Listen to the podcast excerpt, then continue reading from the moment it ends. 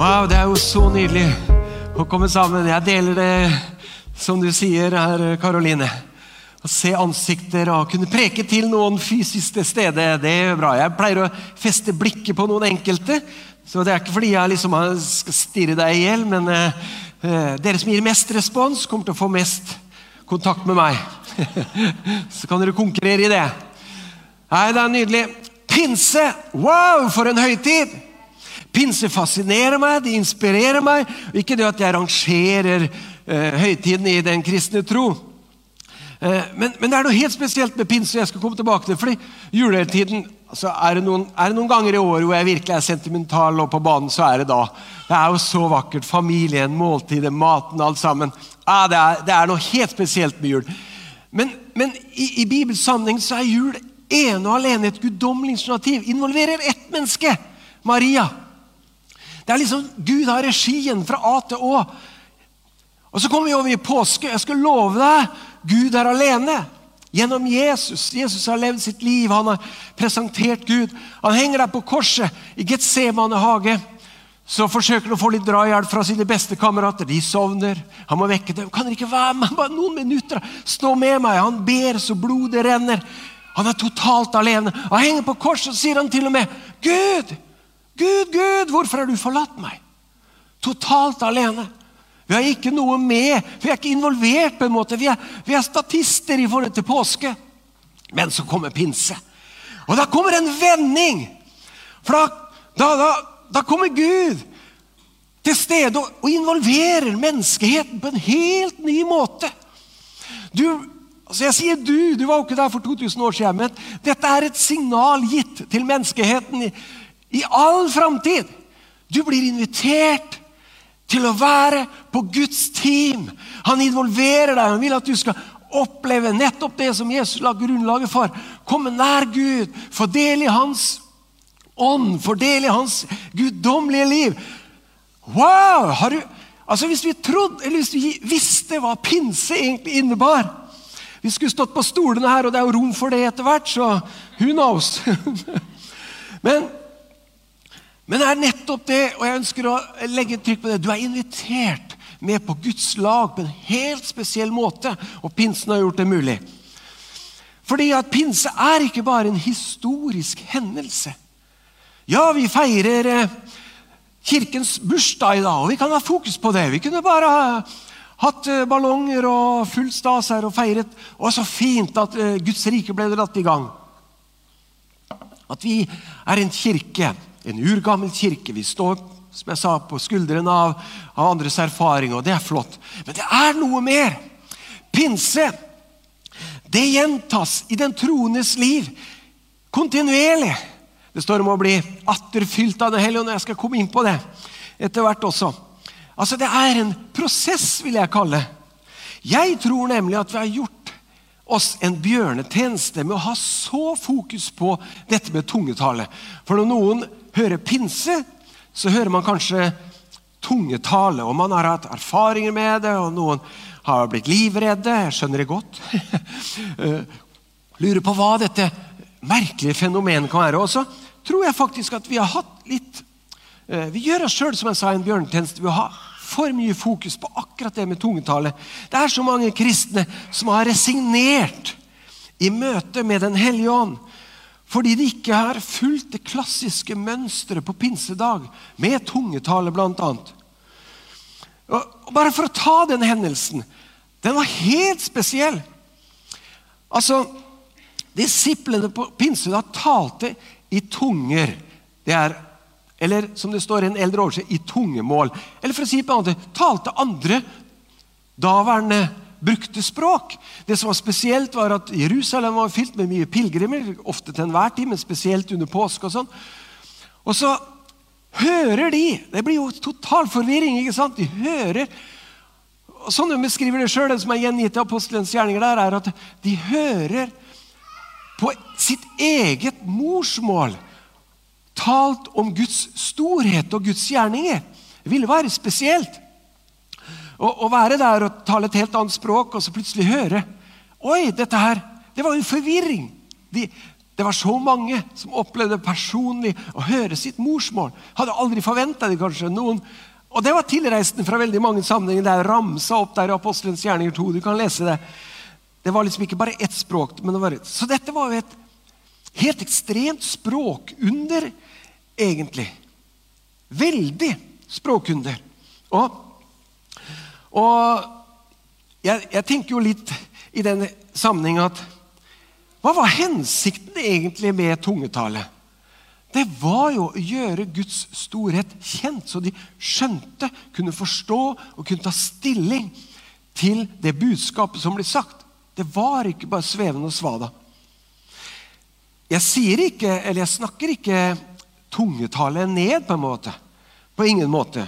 For tungetale har en betydning.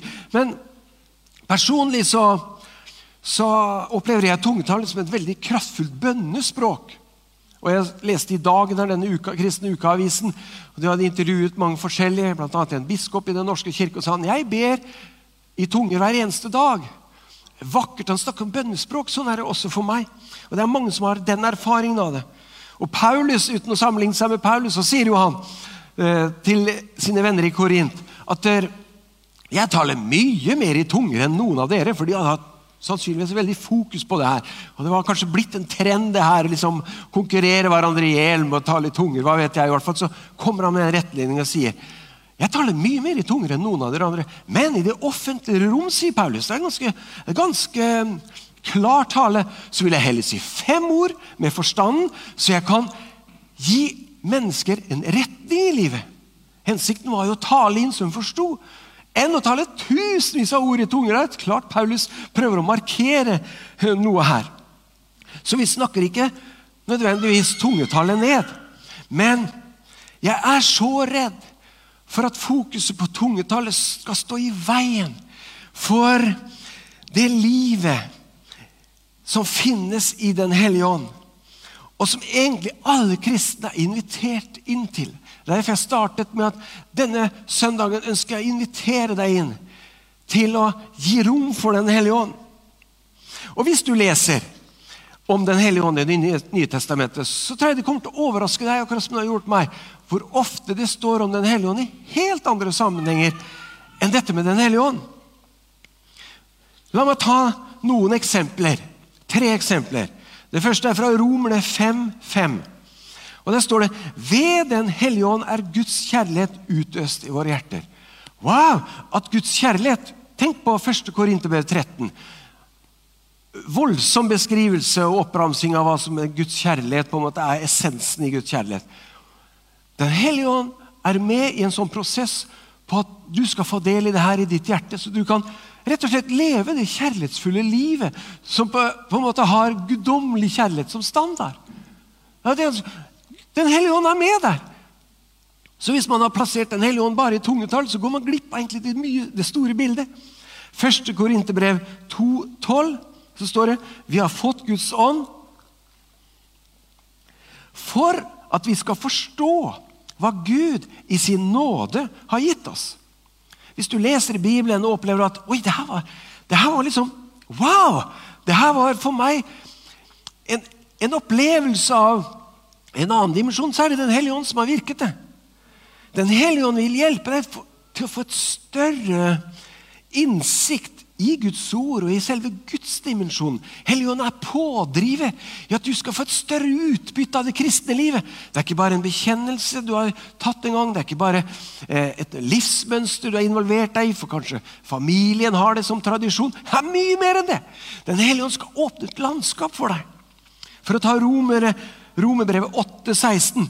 Ånden selv vitner sammen med vår ånd om at vi er Guds barn. Og Der er det også et uttrykk i neste vers der at han uttrykker 'kjære pappa'. Altså Hvis du vil ha frelsesvisshet, hvis du lurer på om du er en kristen, lurer på om troen din holder inn for evigheten osv., er det bra nok? Ja, det er bra nok, for det er ikke pga. deg, det er pga. han. Og, og Den hellige ånd vil hele tiden pumpe det her inn i deg og si at du er i Guds hender. Du er koblet på Guds liv og på Guds kraft. Og Sånn kunne jeg holdt på. Den hellige ånd er allerede så involvert i din kristne tro at du like gjerne kan omfavne han med hele deg. Ikke ha noen sperrer mot Den hellige ånd. Kan være som jeg sa innledningsvis, at du har noen opplevelser som på en måte har skremt deg kanskje litt i forhold til Den hellige ånd. Jeg har bare lyst til å oppmuntre deg til å legge til side, omfavne Den hellige ånd. For hør nå. Det er ikke opplevelsen som er poenget. Det er ikke opplevelsen i møte med Den hellige ånd som er poenget. Men det er konsekvensen av det møtet. Det er hva det resulterer i. Og, og la, meg, la meg bare bruke det utgangspunktet. da. Tenk på disiplene. De her forskremte gutta og noen damer med, som da hadde mura seg inne på øvre sal. Altså Det var det stedet de hadde samlet seg første pinsedag, som er referert i Apostelens gjerninger 2. Altså, De hadde jo møtt Jesus, men den menige mannen i gata bare rister på huet. Skrullinger. Han er død! Vi har lagt han i en grav. Ja, Det går noen rykter. Noen har sikkert stjålet ham. Altså, De hadde jo et kjempeproblem å formidle Nei, du skjønner, han lever fortsatt. Han er Guds sønn. Og hva gjorde de ikke med det? Og de gutta der, uskolerte Det er ikke sikkert de var enkle fiskere. Kan godt hende de var ganske eh, kan godt hende de hadde høy IQ, men det var uskolert i forhold til datidens teologiske akademia, hvis jeg kan si det sånn. Og de var fra Galilea. Bare stedet klinger ikke bra. Er ikke det du liksom, som sto øverst på turistguiden i Jerusalem? liksom? Et besøk til Galilea. Det bør du absolutt få med deg. liksom. Galilea det blir som Tørp i Børje eller noe sånt. Det er ingen fra Torp her. Ja, men Tenk på noe av liksom det mest eh, avsidesliggende strøk, og kanskje som har litt dårlig rykte for seg. Det, er egentlig det det var. Det var enkle menn, fiskere fra Galilea. Og Det var en god del andre der og med litt sånn frynsete rykte. Noen tollere og noen som hadde stjålet litt her og litt der. Som hadde hengt med Jesus. I dag står vi et par tusen år etter. Jeg siterer Peter. Jeg siterer Johannes. Jeg siterer de gutta. De forandra verden en gang for alle. Takket være nettopp det her jeg ønsker å invitere deg inn i. Som ikke er bare en historisk greie, men som er et pulserende liv fra Gud. Det er en dimensjon i troen som du ikke må gå glipp av. Og, og Poenget mitt er at Den hellige ånd er egentlig kraft til forandring. Det går an å få fokus på opplevelser og reise rundt og søke, være på alle land, være på konferanser. For det, det kjennes jo godt. Det kjennes jo godt ut. Men, men la meg ta noen eksempler. Jeg vokste opp i en kristen sammenheng som var veldig familiær med Den hellige ånd. Veldig familiær med Den hellige ånd og Den hellige ånds gjerning. Og Den hadde et stort fokus på det her. Og Det kunne være ytringer Tungetale var helt vanlig, og andre typer ytringer. Og jeg, har selv erfaringer med det. Allerede som elleveåring husker jeg vi hadde besøk av en evangelist, som det het, en som var et omreisende predikant. Han het Ylo Vaino og var fra Finland. Og Han inviterte mot slutten der og ønsket å be for folk, og sånn som er vanlig mer frikirkelig sammenheng, kanskje. En slags en annerledes altering, for å si det sånn. Og Jeg var elleve år og gikk fram, og han ba for meg, og jeg falt visst i gulvet. Min opplevelse var noe helt annet. Den er så tindrende klar for meg her jeg står nå. Jeg falt inn i hvit bomull, inn i et kraftfullt lys. Jeg mener det var sånn at mor og far måtte bære meg ut i bilen etter det møtet. For noen tenker ok, scary saker. wow. Jeg har opplevd i møte med Den hellige en helt euforisk glede og begeistring. Som jeg ikke kan til og med oppleve når Liverpool skårer 5-0 over Arsenal. Jeg vet ikke om jeg har gjort det noen gang, men, med Liverpool er laget. Ikke sant? Jeg har opplevd så sterke berøringer som har vedvart i kroppen fysisk over flere dager. Vet du hva? Det har ingen det har et moment akkurat der og da, men hvis ikke det hadde ført til noe, hva skal jeg med det der? Men slike opplevelser, og det er det viktigste av alt, har alltid for meg ført til et mye større fokus på Jesus, mye større fokus på Bibelen, mye større fokus på kjærlighetsfullt liv. På kjærlighetsbudet. Det, det er helt, du må tro meg, vet du, jeg står ikke her og bløffer. Det har ført til et fokus på Jesus, på det kristne. På det livet jeg skal leve, hvordan jeg skal ofre meg. Og Jeg har til gode å oppleve Den hellige ånds nærvær, Den hellige ånds fylde, Den hellige ånds berøring. Vi har mange ord på det. Uten at det har fått konsekvenser for mitt hverdagsliv. Den hellige ånd hjelper deg og meg til å vinne over egoet. Vinne over selvopptattheten. What's in it for me? Vinne over hva jeg kan få ut av livet. Den hellige ånd er kraft til å overvinne nettopp det. Og La meg gi Paulus sin forklaring om Den hellige ånd. Jeg tar det bare kort. Du kan finne, komme hjem så kan du lese Galaterne 5 fra vers 16 til 26. Du får kortversjon her. Den er nemlig sånn Vårt ego ligger i krig med det guddommelige. Jeg liker ikke sånne ord, men Paulus skriver det. Han ligger i strid, ligger i krig med det guddommelige. Paulus er helt usminka. Han er rett fram. Så sier han følgende hor, umoral, utskeielser, avgudsdyrkelse, trelldom, fiendskap, strid, sjalusi, sinne, selvhevdelse, stridigheter, splittelser Orker dere mer? Misunnelse, fyll og fest og alt mer av samme slag. Det er jo ikke det at du og jeg med går litt sånn proppfull av det her. Det er jo ikke det han prøver å si. Men vi kjenner alle på noe av Vi dras i noe av de her retningene. Selvopptatthet. Som jeg sa, what's in it for me? Hva kan jeg få ut av det? mitt lille liv? Hva kan jeg gjøre? Jeg skal ikke nevne for konkrete eksempler. Ikke sant? Vi dras mot det her. Mens konsekvensene for han ramser opp konsekvensene av Den hellige ånd, som egentlig dette ligger i krig med, det er følgende Fruktene, som han kaller det. Det er konsekvenser, vet du. Det er kjærlighet, glede, fred, overbærenhet, vennlighet, godhet, trofasthet, ydmykhet, selvbeherskelse. Da er det jo trist hvis vi ikke åpner oss for Den hellige ånd. For det her er fruktene av et liv i Den hellige ånd. Dette er fruktene ikke, ikke først og fremst ut fra en opplevelse heller. At du taler veldig lenge og høyt i tunger. Men at du har invitert Den hellige ånd inn i livet ditt.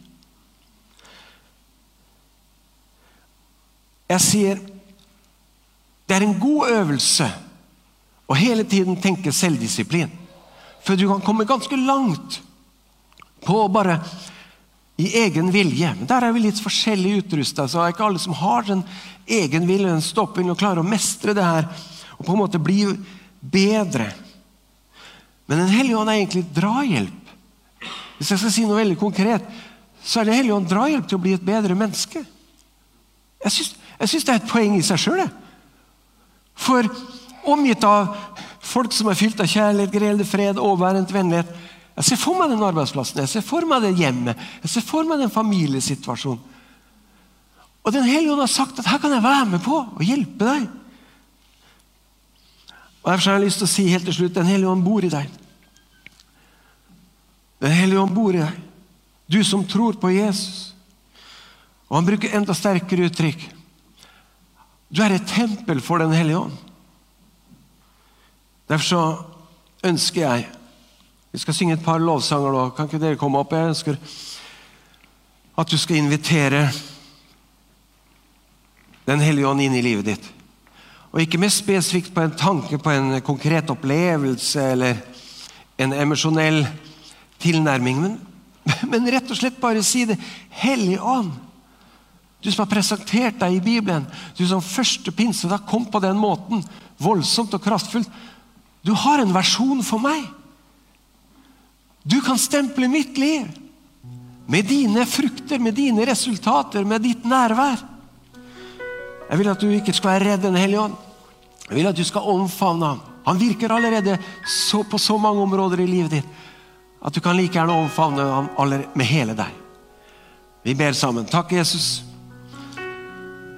for at dette er ikke en premie for å ha lest lenge nok i Bibelen eller gått på mange gudstjenester eller vært ekstra dyktig og kjempe imot det som drar oss i retning bort fra deg. Nei, Jesus, du har sagt at det er en gave jeg vil gi alle som tror. Det er faktisk en gave vi har fått når vi har åpnet oss opp for, for deg og invitert deg inn som frelser i vårt liv. Men Jesus, jeg vil at ikke den skal ligge der uoppakka på en måte. Jeg vil ikke at den skal ligge i mitt liv som, som bare deler av noe som kunne vært så mye større. Så Jesus, jeg gjør det også i dag igjen. Jeg inviterer større andel av Den hellige ånd. Hellige ånd, kom over mitt liv.